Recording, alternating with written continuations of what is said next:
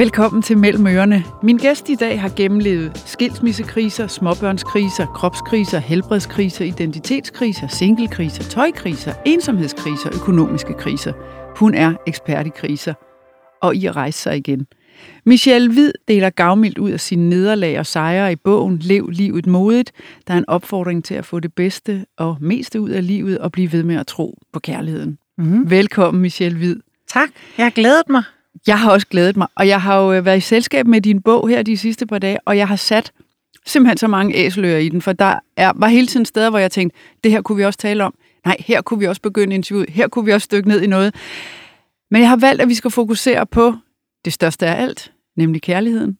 Åh, oh, men det er jo så fint. Fordi det er der så meget af i din mm. bog, og det har jo virkelig defineret dit liv. Øhm, og det fylder meget i bogen, dine forhold, både de lykkelige og de ulykkelige. Så hvis nu vi starter med at spole baglæns til du var ung. Mm. Må jeg lige sige noget ind? Ja. Jeg kan fandme godt lide, når du siger, oh, undskyld, jeg må ikke bande, men jeg kan godt lide, når du siger, kærlighed definerer dit liv. Kan man bede om mere? Tænkte jeg bare lige, da du sagde det. Nej, det kan man vel egentlig ikke.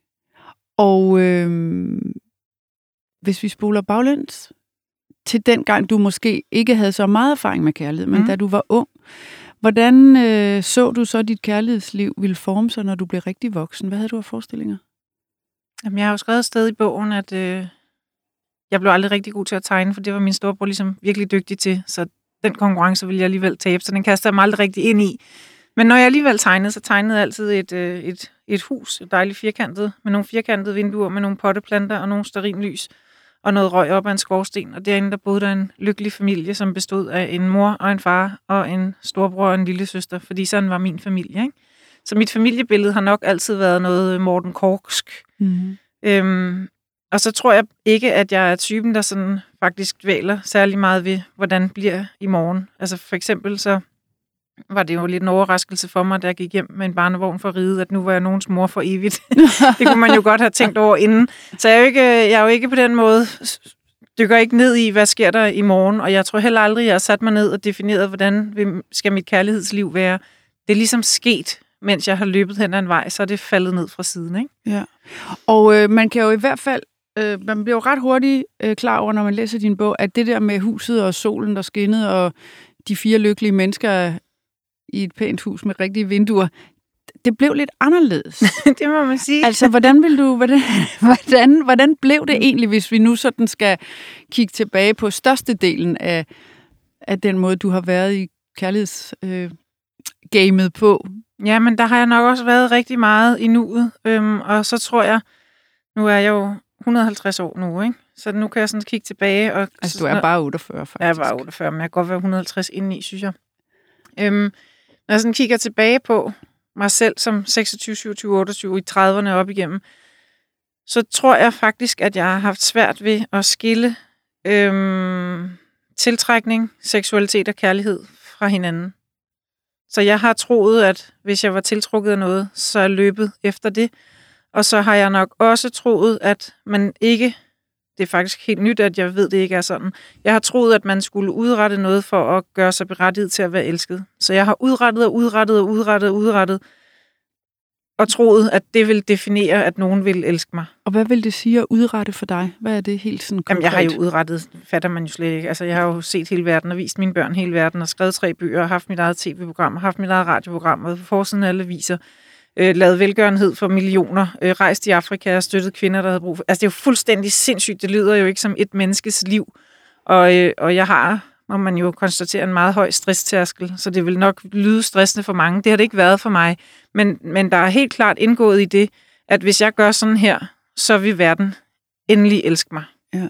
Og det har jeg jo ikke været bevidst om. Det er jo ikke et regnestykke, jeg sidder og lavet. Det, det er noget, jeg sidder retrospekt og konstaterer. Ikke? Ja, og vi vender lidt tilbage til hvad grunden kan være til, at du har det sådan, som du har det. Det er jo altid super interessant mm. at, mhm. at finde ud af, hvorfor er det sådan.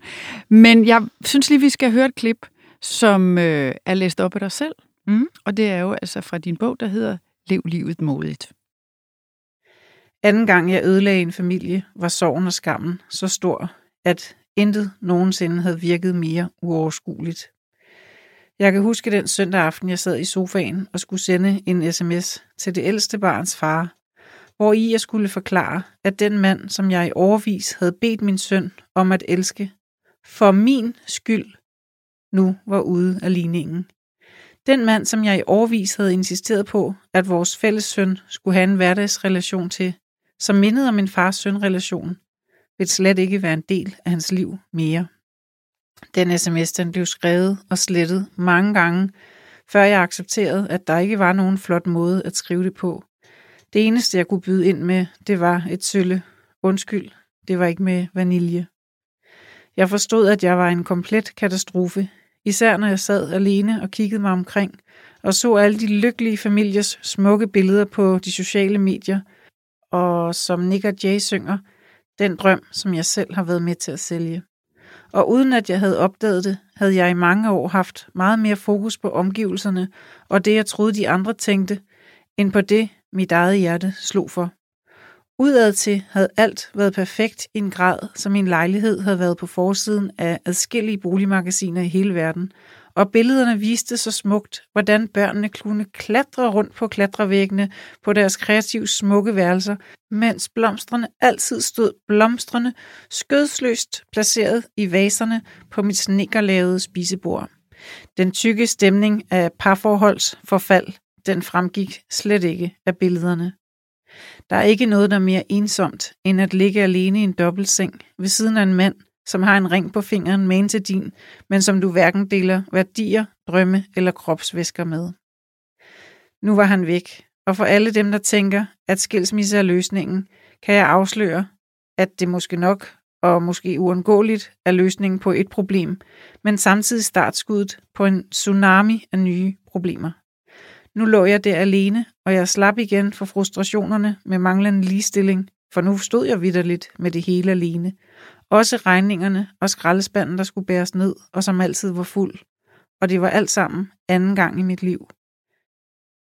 Her stod du så, og for anden gang, som du siger, havde du ødelagt en familie. Altså, det er jo voldsomt at sige det. Jeg har ødelagt en familie. Hvorfor? Jamen, det tror jeg, jeg har følt. Og sådan ser jeg jo slet ikke, når jeg kigger tilbage nu, så tænker jeg bare, gud, hvor har jeg påtaget mig meget. Men jeg var overbevist om, at det var, hvis ikke 100% min skyld, så var det i hvert fald nok 99% min skyld. Og det var mig, der havde fejlet. Og jeg havde ikke bare fejlet for mig selv.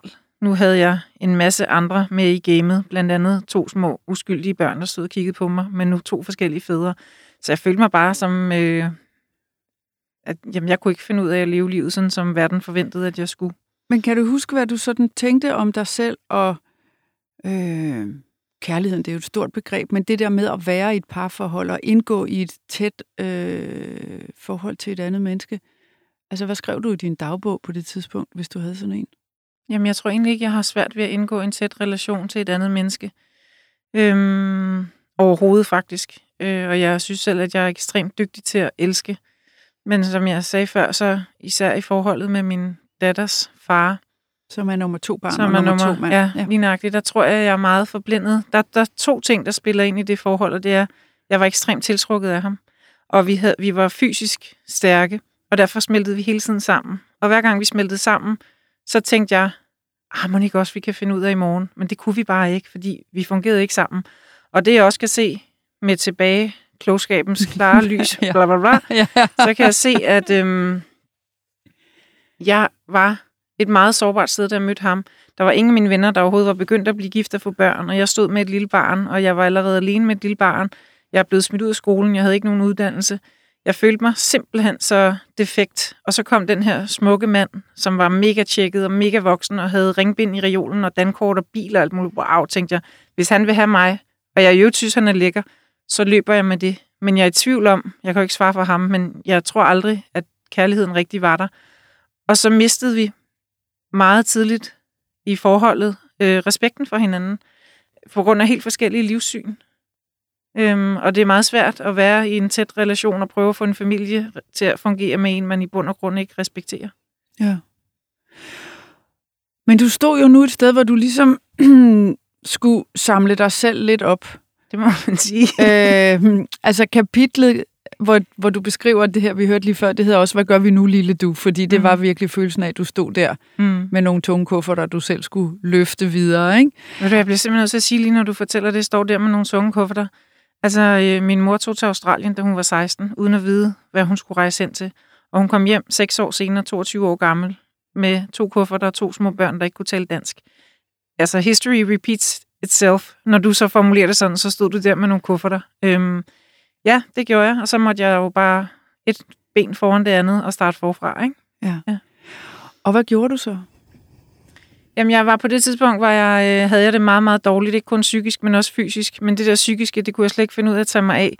Så jeg startede med alt muligt andet. Altså, jeg kan huske, at jeg sådan fuldstændig systematisk ryddede hele mit hjem op, helt ned i, at der kun måtte være tre dåser flåede tomater, så måtte det andet ud. Altså, alt stod nærmest alfabetisk i skabene, og tøjet blev ryddet, alt blev ryddet op. Sådan, så der i hvert fald ikke var noget rod nogen steder, jeg kunne kigge på. Og så da det var overstået, så måtte jeg så begynde at rydde op i mig selv. Og øhm, jeg ville jo øh, jeg ville enormt gerne løbe, men jeg kunne ikke løbe. Jeg var så overvægtig, så jeg var bekymret for, om min knæ overhovedet ville kunne klare det. Så jeg begyndte at gå, og på et eller andet tidspunkt begyndte jeg at lunde, og så lavede jeg en Forrest Gump. Så blev jeg bare ved til at løbe et maraton. Øhm, og i det, og det skriver så også om i bogen, det her grundtilstandsnetværk. Jeg har ikke dengang nogen opskrift på, hvad det er, der sker inde i min hjerne. Men der sker jo det, at når vi laver monotone gentagelser hvor vi har fred i hjernen, så kan grundtilstandsnetværket, som er en del af vores hjerne, den kan fungere optimalt. Og det grundtilstandsnetværket gør, det er at rydde op. Det er en bibliotekar, der fiser rundt ind i hjernen og sætter ting ind på de rigtige hylder og stabler tingene i et sirligt system. Så alt det rod, der var derinde, da jeg bare løber og løber og løber, og når man skal træne fra at kunne gå 0 meter til at løbe 42, så tager det altså mere end 10 minutter. Så jeg løber og løber og løber, og i hele den proces, der får jeg ryddet op i min hjerne og får det bedre med mig selv, og får overblik og får idéer til, hvordan jeg kommer videre herfra, og begynder at få det bedre med mig selv. Øhm. Og hvor lang tid går der fra 0 meter til 42 kilometer? Jamen, øh, hun er 14 i dag. Vi blev skilt, da hun var to, så det har været, hun er fra 6, og det er fra 8. Jeg tror, jeg løb et maraton i 10 eller 11. 10, tror jeg. To år. Ja. Og det, der og det med... synes jeg jo, det er vigtigt. Jeg synes, det er sindssygt vigtigt. Jeg får spat af alle de quick fixes, jeg ser alle steder. Og hvordan gjorde du lige det? Jamen, det gjorde jeg ikke lige. altså, jeg løb øh, halvanden time hver anden dag i to år. Det var ikke noget, jeg bare lige gjorde. Og så er det sjovt at servere, så gik jeg fra 0 meter til 42 kilometer. Men det er altså en toårig proces. Og jeg tror ikke på, at det der kvikfisk fix med, at så kan vi følge en slankekur, eller tage en pille, eller læse et klogt citat, og så bliver alt bare godt. Det er det lange seje træk, når vi skal et eller andet med vores liv. Man finder ud af, at man skal øve sig. Ja. Ikke? Og det er dødssygt nogle gange. Det er men hvor skal man sygt. bare øve sig? Man gider ikke, men, men, men det er man, sådan, det er. Man bliver jo glad, fordi som du endte med en maraton, hvilket var super imponerende. Men som du sagde, så begyndte du også at rydde op i dig selv, og, øh, og måske finde ud af, hvordan, hvad er det, hvor, hvorfor hænger vi sammen, som vi gør. Det er jo altid smadret interessant at finde ud af. Du skriver blandt andet, at du hader at blive ignoreret. Mm. Øh, og bare tanken får dig til at eksplodere. Du hader at føle dig forladt. Og som mm. du skriver, det er en af de følelser, jeg stadig har sværest ved at kontrollere og reagere begavet på. Mm. Og i forbindelse med de her ting, så ja. nævner du din biologiske far, som din mor jo rejste fra i Australien, da mm. hun kom hjem med dig og din bror og de tunge kufferter. Øh, og du nævner den rolle, han måske spiller i det her. Så da du satte dig ned og kiggede på dig selv og din biologiske far, hvad var det så, du så der, der måske var en nøgle til den måde, du... Altså, jeg er jo ikke psykolog, så hele bogen er jo fyldt med sådan noget lommepsykologi og mine egne betragtninger. Kom med det, kom med ja, det. men, jeg, men jeg blev jo forladt. Altså, jeg er jo blevet valgt fra i, øh, som toårig. Og så er jeg i øvrigt, øh, blev min, da min mor kommer til Danmark, møder hun ret hurtigt igen ham, jeg kalder min far, og de er stadig sammen, og han er en fantastisk mand, og jeg har haft en fantastisk barndom min far herhjemme, han, øh, han har skruet gamle jaguarer altid, han gik på jagt, og ham og min storebror havde bare sådan et meget naturligt fællesskab, hvor at det var helt naturligt for dem at tage på jagt sammen og, og skrue biler ud i garagen og lave en masse ting sammen. Min far herhjemme og jeg har ikke haft en naturlig ting, vi kunne mødes i gennem hele min barndom. Vi er blevet meget tætte som voksen, øhm, og jeg, øh, han er meget vigtig for mig nu, men det var meget svært i mange år, da jeg var barn. Og jeg tror simpelthen, jeg har jo altid ikke nødvendigvis gjort som de andre, og jeg tror i perioder, han ikke har vidst, hvad han lige skulle stille op med mig. Altså din... din... Min far i Danmark. Ja. Jeg, jeg, jeg forbinder ikke... Altså, jeg, selvfølgelig er der noget forladthed med min far i Australien, men det, det fylder egentlig ikke så meget i mig. Men jeg har et billede af hele min barndom med, at jeg har meget svært ved at connecte med den mand, min mor gifter sig med. Mens jeg ser min storebror connecte med ham meget tydeligt. Og det bliver inde i mit hoved til en forskelsbehandling, hvor de elsker min storebror mere, end de elsker mig. Og når den følelse, som jeg så godt kan se på igen med voksne øjne, og godt kan se, at børn skal behandles forskelligt, hvis de skal behandles ens. Men det kunne jeg ikke se, da jeg var barn. Øhm, den følelse af, at jeg bliver elsket for lidt forhold til nogle andre, hvis den bliver trigget i mig, så bliver jeg, øh, så bliver jeg til Gollum. Ja, Aha. du skriver, altså, at du eksploderer, og du bliver meget verbal, og du bliver brutal, og mm. altså, fordi man kan, hvis man ignorerer dig for eksempel, man kan ikke, så bliver du på en måde, som man bliver tvunget til at forholde sig ja, til dig. skal på nok den, få dig til at forholde mig til mig. Det er ikke nødvendigvis særlig yndigt. Men råber du så af mig, hvis det var, eller skriger du grimme ting Nej, til mig? jeg, eller nej, jeg, jeg hverken råber eller skriger ringe ting, men jeg er jo ekstremt verbalt stærkt, så, stærk, så jeg går ned i det, som jeg ved er dit sværeste, så sværer jeg bare lige en pind ned i, i det. Noget, du måske har fortalt mig i en sårbar situation af kærlighed, som jeg skal honorere ved at behandle fortroligt, det stikker jeg bare en stor fed kæp ned i og jord rundt. Det gør jeg så ikke mere, men det har været mit mønster. Og det er meget lidt yndigt, Ja, og jeg er meget lidt stolt bagefter. og det er da også voldsomt. Altså, ja, det er virkelig grimt. hvorfor, tænk, hvorfor bliver det så voldsomt, tænker du? Jamen, det er jo fordi, at jeg selv går i stykker indeni. Øhm, og jeg ser faktisk nu, jeg kan huske, da min forrige bog, Råstyrke, udkom, der øhm, også her på forlaget People's Press, der, øhm, der siger øh, direktøren herinde til mig, nu mister du to af dine venner. Og så siger jeg, hvad mener du? Så siger jeg, hver gang man har en stor succes med noget, så øh, mister man et par venner, som så i virkeligheden ikke var rigtige venner. Og jeg har lidt samme følelse nu. Der er ret mange mennesker, der burde have ønsket mig tillykke med, at jeg har ligget på førstepladsen i en uge, som slet ikke har forholdt sig til, at jeg har skrevet en bog. Og det vil, nu, nu er jeg forholdsvis ved at være så gammel, at jeg registrerer det, og jeg behøver ikke engang slås med det. For fem år siden, så ville jeg løbe over og konfrontere og sige, hvorfor, hvorfor fanden øh, har du ikke forholdt dig til, at altså, du kan jo godt se, at jeg ligger på førstepladsen, eller hvad det nu er. Så vil det trigge, se mig, se mig, se mig, men nu har det sådan lidt, pff, handler ikke rigtigt om mig. Og det vidste jeg måske ikke, det har jeg ikke været særlig dygtig til at integrere. Nej. Og jeg tror, at en stor del af den heling har jo at gøre med Morten, som jeg skal giftes med nu, ikke? Jo. Fordi jeg gør jo det samme med ham. Altså, øhm, en måned inde i vores forhold, der er der sådan en helt, helt fantastisk aften, hvor, det skal lige sige, at Morten er jo alene med fire børn. Han er enke og alene med fire børn. Og alene af den årsag, så blev det meget på hans matrikel, på hans præmisser, fordi han ligesom havde fire børn, han skulle tage sig af, som oven i købet havde mistet deres mor et år forinden. Ikke? Så jeg tager meget til ham. Og på et eller andet tidspunkt om i mit hoved, der bliver det til, jeg halser efter ham, og han halser ikke efter mig og det passer overhovedet ikke. Men inde i mit hoved, i mit regnestykke, der bliver det til, at jeg halser efter ham, og kærligheden er nok ikke gengældt. Og så får det tændt den der gollum ind i mig. Og så øh, bliver jeg ikke pæn. Og jeg kan huske, at øh, han, er, han har været til et eller andet arrangement, og han er derhjemme, han er fuld og beruset i hvert fald, så ringer han til mig og siger, kommer du ikke? Jeg troede, du kom. Og så har han sådan, du kan bare komme til mig. Hvorfor skal jeg altid komme til dig? Så siger han, jamen det er jo fordi, der ligger fire børn og sover her. Men prøv at høre, jeg vil gerne sætte mig ind i en taxa og komme ind og hente dig, men så bliver vi nødt til at tage tilbage her. Men det vil jeg gerne gøre. Jeg tænker, det er jo også latterligt, min bil holder nede på gaden. Så jeg sætter mig ind i bilen og kører hjem til ham. Og så da jeg kommer hjem til ham, så bliver jeg alligevel så gal. Så ligger der noget vasketøj på den side af sengen, jeg plejer at sove i, og det ser jeg så som et tegn på, jeg er nok ikke velkommen i den seng.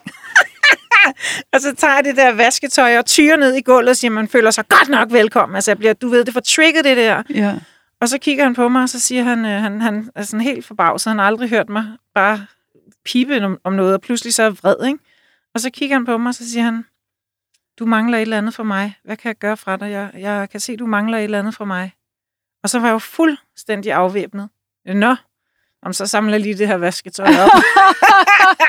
og nu er det jo bare sådan en joke i vores forhold. Begynder du at tyre med vasketøj, hvis der er et eller andet, der ikke lige passer mig. Ikke? Øhm, og, og så har jeg ligesom, så er det helet. Så nu, nu, nu, nu føler jeg ikke rigtig, den er der mere, men det har været... Du har En- været en voldsom dame, tænker jeg faktisk. Ja, en dramatisk ja. dame, Ja.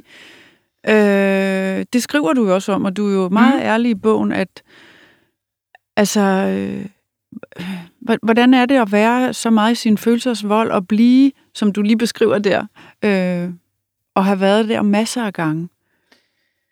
Jamen, jeg føler jo, at jeg er blevet bedre og bedre til at, øh, at dreje af. Altså på et eller andet tidspunkt, så blev det tydeligt for mig, at i den her situation bliver jeg meget lidt yndig, og i den her situation bliver jeg meget ked af, at jeg har været meget lidt yndig, og så må jeg flytte mig fra den situation. Altså de første 35 år af livet bruger man jo på at prøve at fjernstyre de andre idioter, og på et eller andet tidspunkt, når man ikke kan det, så bliver man jo nødt til at styre sig selv væk fra de situationer, man ikke kan lide at være i. Ikke? Det er bare fordi, du er jo et vulkanisk menneske, Mm tænker jeg. Øh, og så, så hvad har du øh, lært om kærlighed nu, synes du, hvor du sidder her er 48, som er virkelig vigtigt for dig at vide? Jamen, jeg, jeg, jeg, jeg ser en hel masse ting med nogle helt andre briller, end jeg har gjort tidligere. Og øh, jeg kom for eksempel i tanke om i går, at for nogle år siden, der så jeg øh, en, en, en anden, som jeg var rigtig glad for. Han var pisse sjov. Altså virkelig, virkelig skægt.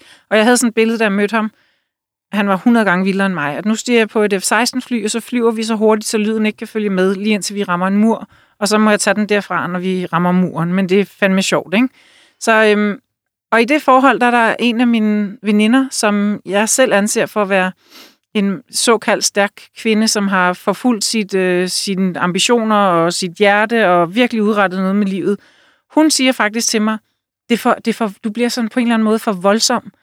Og, øhm, og nærmest alene den årsag, så har jeg nærmest ikke kontakt med hende i dag. Jeg har stadigvæk kæmpe respekt for hendes virke og hendes person, men jeg valgte, at hun gør ondt at være sammen med, for jeg må ikke være mig.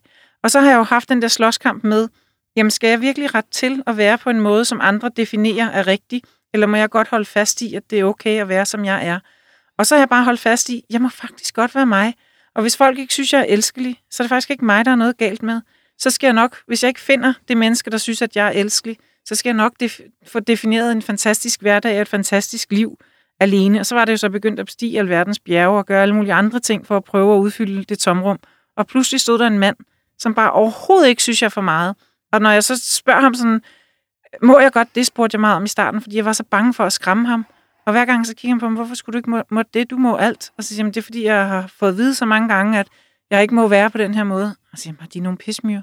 Det er ikke noget med dig at gøre. Og, og det er rigtigt. Jeg, er, jeg synes, det er et godt udtryk, når du siger, at jeg er et vulkanisk menneske.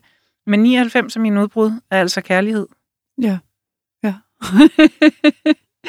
og du, øh, du skriver også, som voksen havde jeg jo også fået den helt vanvittige idé, at jeg var elskelig.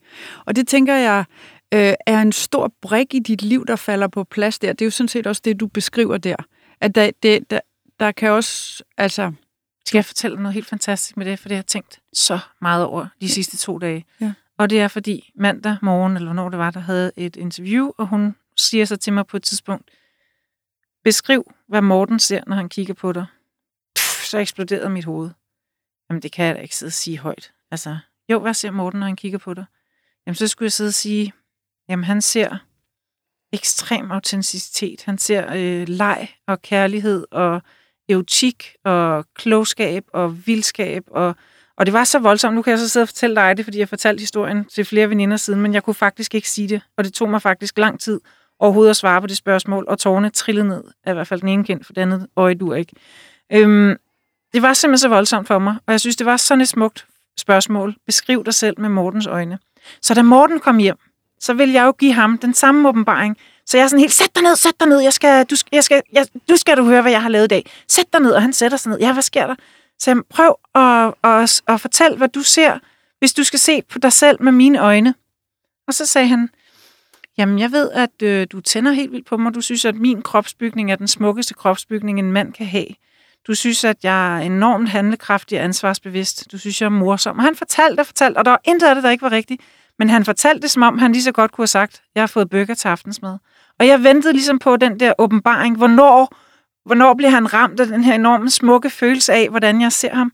Og den kom bare ikke. Og så siger jeg sådan til ham helt frustreret, jamen jeg blev, jeg blev så overvældet, og, og jeg begyndte at græde, og jeg kunne næsten ikke svare. Og så sagde han helt tørt, jo jo, men du er også blevet behandlet ret dårligt i dit liv. Jeg er ret hel. Og så rejste han sig op og gik ud og lavede en kop kaffe. Og så tænkte jeg, okay, det kan godt være, at jeg synes matematisk, at jeg er kommet frem til, at jeg er elskelig, men jeg er nok ikke helt i mål det har været den vildeste åbenbaring for mig, fordi han, sådan er det jo. Ja. Hold da kæft, kan man have det så godt med sig selv? Så tænkte jeg, jeg kan da godt sidde her og sige, jeg besluttede mig for som 45 år, jeg var elskelig, men jeg mangler altså stadigvæk lige det sidste nøk, tror jeg. Ja, det starter jo tit med teori, ikke også? Mhm. Og at man øh, beslutter sig sådan lidt dogmatisk næsten Mm, for, og to at og to og fire. ja, Mhm. og nu er jeg en, der godt må elskes, og så, så skal det jo lige øh, lege sig i Bundfaldes. systemet, så også, ikke? Altså, ja. Ja. lige præcis. Men, men på det her tidspunkt, du har- dater jo alle mulige forskellige mænd, og som du siger, øh, papfigur i jakkesæt, og der, mm. Mm. den er der ikke rigtig. Men du kysser frøer, og nogen kysser bedre end andre, men, men øh, du insisterer ligesom på at, blive ved med at tro på, at mm. du ikke skal nøjes. For mm. det kan man jo godt, som du også beskriver i den proces, ende med at tænke, Nå, men måske... Jeg synes også, jeg ser nøjsomhed omkring, altså ikke nøjsomhed, det hedder det ikke, men jeg ser omkring mig for mange, der nøjes. Øhm, jeg kan huske efter min skilsmisse, da jeg ligesom fedter rundt og ikke rigtig kan finde vej. Der spørger, altså skilsmisse nummer to.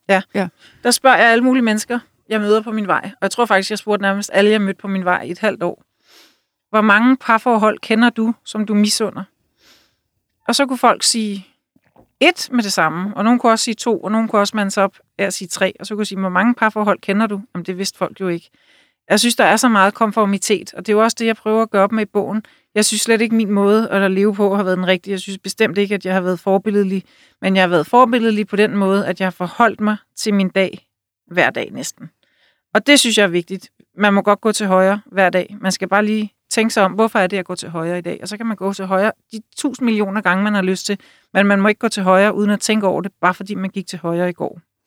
Men, som sagt, så skriver du et sted, det er modigt at blive ved med at tro og håbe. Mm. Fordi det var jo faktisk det, du gjorde. Du blev ved med at tro på, at den rigtige kærlighed ville dukke op. Men ellers så vil jeg ikke. Nej. Jeg, jeg, ellers så vil jeg heller... Det er jo ikke, fordi jeg har haft et dårligt liv. Jeg har haft et ekstremt spændende liv, og jeg har været dygtig til at fylde ting ind i det, som har været livstrømme for mig. Altså, jeg tror, jeg er 12 år gammel, da jeg læser Troels Kløvedal. Sidste år, der sejlede rundt med mine børn i lang tid i Karibien på en lille bitte gammel båd.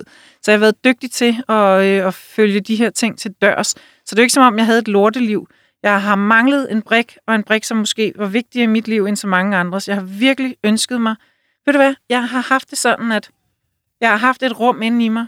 Et meget vigtigt rum, som var stuende fuldt med noget, jeg ikke kunne komme af med. Jeg kunne dele ud til veninder, og jeg kunne give komplimenter til en fremme, jeg mødte på gaden. Jeg kunne forære min smukkeste kjole væk til min veninde, hvis hun blev glad. Jeg kunne alt muligt, men jeg havde et helt rum i mit hjerte, fyldt med alt muligt, som jeg ikke kunne komme af med. Og det var jeg meget bevidst om. Men jeg var også meget bevidst om, måske skal det bare være derinde. Jeg gider ikke dele det ud til en, der ikke kan honorere det, fordi vi i virkeligheden ikke er et match. Det vil jeg ikke. Nej. Og du, og du leder efter et livsvidne, Mm. som du skriver. Øh, og så sker der jo så det, at du møder Morten. Yeah. Dejlig, dejlig Morten. Ja. Prøv lige Ja. at sige noget om det. Jamen, jeg bliver så rørt, hver gang er nogen, der nærmest siger hans navn. Morten. Morten, ja.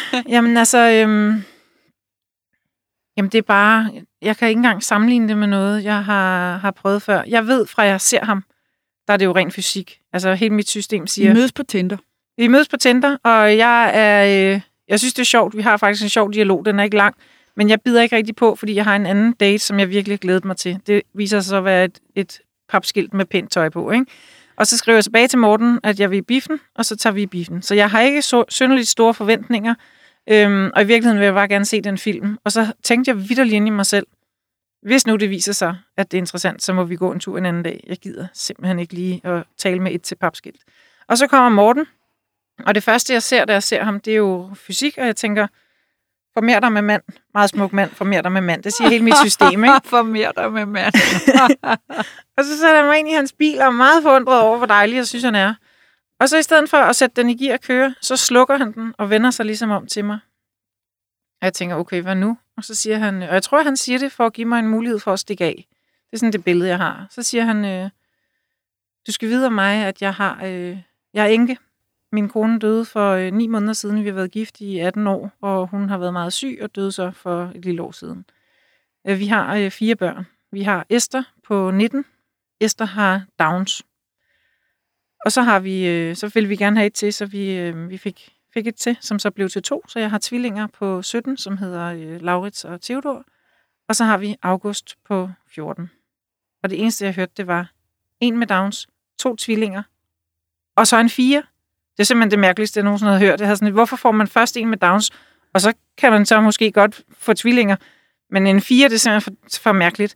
Så jeg kigger bare på ham, og synes næsten, det er skægt, og siger, jeg skal bare lige forstå. Fik du først en med Downs, og så tvillinger, og så valgte du at få en nummer fire? Ja. Hvorfor gjorde du det? Fordi jeg kunne. Og så tænker jeg, ham der, han kan alt. Ham tager jeg. Så jeg var forelsket inden i noget i biografen, øhm, og har været det lige siden. Og, altså, jeg, jeg, jeg elsker at sige, at jeg har aldrig kendt Morten, uden at være forelsket i ham. Det er jo også vildt. Ja. Prøv at høre, det er jo simpelthen den bedste Hollywood-film, det der. Ved du hvad? Nu øh, kan folk jo så ikke øh, sidde og høre, men vi optager det her program klokken halv ni. Det er meget tidligt for mig. Jeg skulle være herinde klokken halv ni for at mødes med dig. Morten, han er direktør i et stort firma oppe i Sverige, så han bliver nødt til nogle gange at tage til Sverige til møder. Det skulle han i går, og der var ikke nogen flyver hjem på grund af alt det her corona, så han kunne først komme hjem i morges. Og han landede klokken syv i lufthavnen. Han tog afsted i går. Så jeg har stået i lufthavnen klokken syv for at nå at kysse ham, inden at jeg tog herind. Og det er derfor, jeg ligner en, der lige er væltet ud af sengen. Men det var vigtigere for mig. Ej, men du er velkysset. Ja, jeg lige noget at røre ved min mand. Ej, hvor er det skønt. Og, øh, og for at simpelthen violinerne, de bare, du ved, toner ud til solnedgang, så skal I giftes også, og hvornår skal I det? Skal jeg bare høre her Vi skal giftes den 12. september øhm, op på toppen af skovtårnet nede ved Rønnet. Og øhm, vi har... Øhm, jamen, det, det er simpelthen så skægt. Altså Morten Fride, det var fantastisk, og jeg glæder mig, det er slet ikke det. Men for mig at se, så tror jeg ikke, at, at kærligheden nødvendigvis topper den dag. Jeg har ikke noget billede af, at kærligheden ville være større, hverken den dag eller dagen efter, fordi jeg kan slet ikke forestille mig, at der kan være mere kærlighed. Men jeg glæder mig selvfølgelig til at have den pagt med ham også. Nå, men vi skulle have været til Nepal og vandre i, øh, i februar. I øvrigt en tur, vi købte et år senere, under 24 timer efter vi har mødt hinanden. Vi har kendt hinanden i 24 timer, da vi køber den rejse. Og den bliver så aflyst på grund af corona. Men vi havde købt noget ret sjovt stof, som han ville have lavet sit jakkesæt af, når vi skulle giftes. Og så var der en skrædder derude, vi havde legnet op, der skulle sy det. Men så kom vi ikke afsted, så nu er det helt... Det, det jeg glæder mig allermest til, at joker allermest med, det er, at han skal giftes i toga, fordi vi har bare en rullstof. jeg synes, det skal ikke. Hvad skal jeg få? Og Morten kommer i toga. øhm, jamen, vi har, ved du hvad, vi har fundet stedet, og vi har inviteret gæsterne, og vi har ikke fundet en præst, og vi har ikke bestilt noget mad, og jeg har ikke nogen kjole. Jeg tænker bare, at det bliver, som det bliver. Jeg glæder mig bare. Det kan jeg godt forstå. Det lyder skønt. Øh, held og lykke. Tak, Cecilia. Vil jeg bare sige, det har været en fornøjelse at snakke med dig. Jamen, altid en fornøjelse at snakke med dig. Pas på dig selv. Skal jeg nok. Og øh, tak til dig, der lyttede med. Mellem ørerne er tilbage igen på næste fredag. For mere mellem ørerne, brug kampagnekoden Cecilie og få 30 dage gratis adgang til tusindvis af lydbøger på Mofibo.